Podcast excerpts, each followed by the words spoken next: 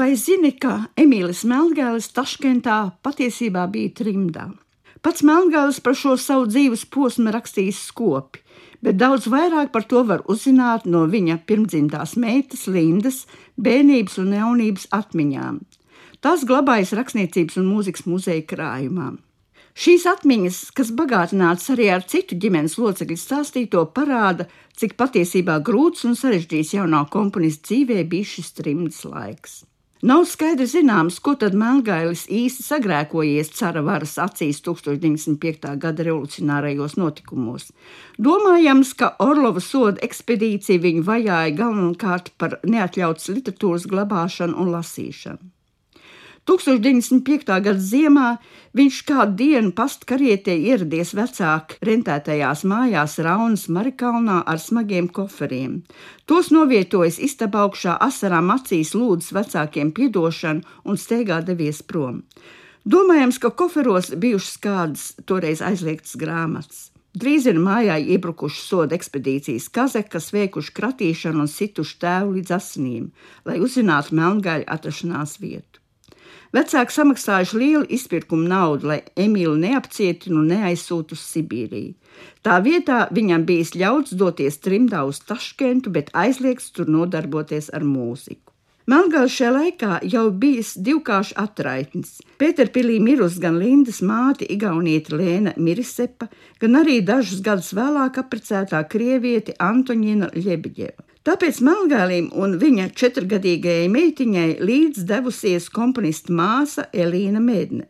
Viņa garajā ceļā esot bijusi spiesta vairāk kārt atrunāt Melngālu no domām par pašnāvību.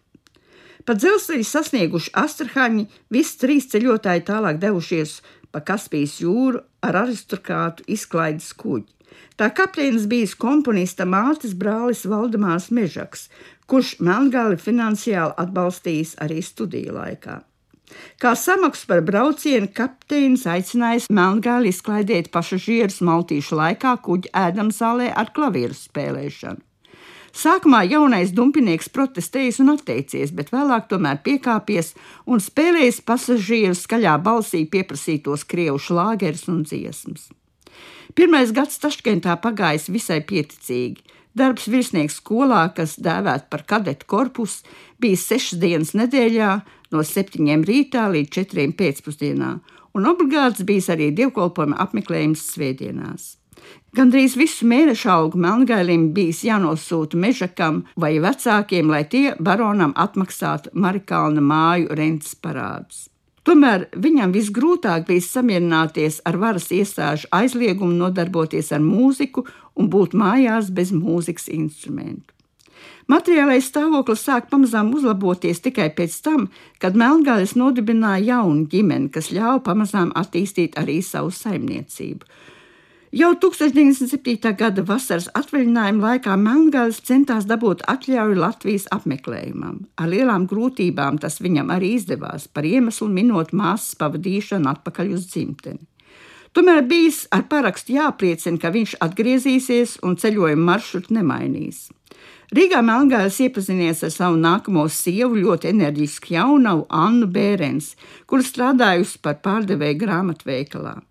Skarbajos Taškēnas apstākļos viņa spējusi kopā ar Melngāli izveidot un veiksmīgi vadīt ģimenes saimniecību. Pēc tam desmit gados viņa lēdus pasaulē trīs dēlus un divas meitas. Katru gadu komponists ar nepacietību gaidījis vasaru, kad varbūt dabūs atļauju uz vienu mēnesi apciemot 4000 km tālo dzimteni, bet nevienmēr to saņēmis. Piemēram, 1915. gadā Melngāla norīko par komandantu sekretāru 500 km attālajā Guļčas cietoksnī, uz kur noslēgumā ved sarežģīts ceļš pa tuksnešainām ledainām kalnu pārējām zirgu un kamieļu mugurā.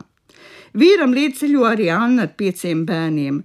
Šo grūto nedēļu atsver mēnesis garais atvaļinājums, kur laikā Melngāles puslepeni pieraksta daudzas kalniešu tautas melodijas. To, ka viņam nav ļauts brīvi nodarboties ar mūziku, Melngailis ļoti pārdzīvo. Naktīs viņš atļauj šo to dungot un spēlēt ar pirkstiem pa iedomātu klaviatūru. Top tautas dziesmu apdars un dažas oriģināla dziesmas. Šos nošu rokrakstus komponists nav datējis, lai kontrolas gadījumā varētu attaisnoties, ka tie ir veci studiju laiku uzmetumi. Laimīgs bijis kāds gadījums, kad skolas sarīkojumā audzimušu solistu pavadīšanai uz klavierēm vajadzējis aizvietot saslimušu pianistu, un skolas direktors ģenerālmajors von Kochs, kurš guvis izglītību arī Maskavas konservatorijas čela klasē, atcerējies par Melngāli. Nošu nav bijis, bet komponists tik krāšņi improvizējis pavadījumu, ka viss par to vien runājuši. Vēlāk ģenerālgubernators Samsonovs bez atlīdzības Melngalim atļāvis pasniegt klavierstundas savai meitai. Atapīgais privāts skolotājs to izmantojis, lai beidzot dabūtu atļauju klavierus turēt arī pašu mājās. 1917. gada rudenī e, Taškents kadeta korpus slēdz, un turpmākos trīs gadus Melngalim patstāvīga darba vairs nebija. Lai nodrošinātu ģimenei iztiku, viņš iekopa vīnu dārzu, turēja bišu drabus, pienu, lopus, šķirnes, vistas. Šajā laikā viņš aktīvi darbojās arī Taškents mūzikas dzīvē, organizē koris, izveido simfonisko orķestri, kas pirmatskaņo arī viņa komponēto simfonisko ainavu vakar zilajā kalnā. Arvien izvēršoties pilsoņu karām, Melngals spiests aizsargāt savu ģimeni un saimniecību no dažādām apkārt klīstošām bandām. Tomēr bērni nereti ir liecinieki bandītu vardarbībai pret vecākiem. Laika pa laikam patvērums ir 4 km attālais vīna dārs ar kleķu būdiņu, kur Melngāls uzsācis darbu pie Musorska operas Boris Godunovs instrumentēšanas. Beidzot, 1920. gada 13. oktobrī Melngals saņēma atļauju kopā ar ģimeni un daļu iedzīves doties uz dzimteni. Pēc astoņu nedēļu garu un zaudējumiem pilnu ceļojumu gandrīz neapkurinātā preču vagonā 7. decembrī viņš sasniedz Rīgu. Dzīve bija jāsāk no jauna.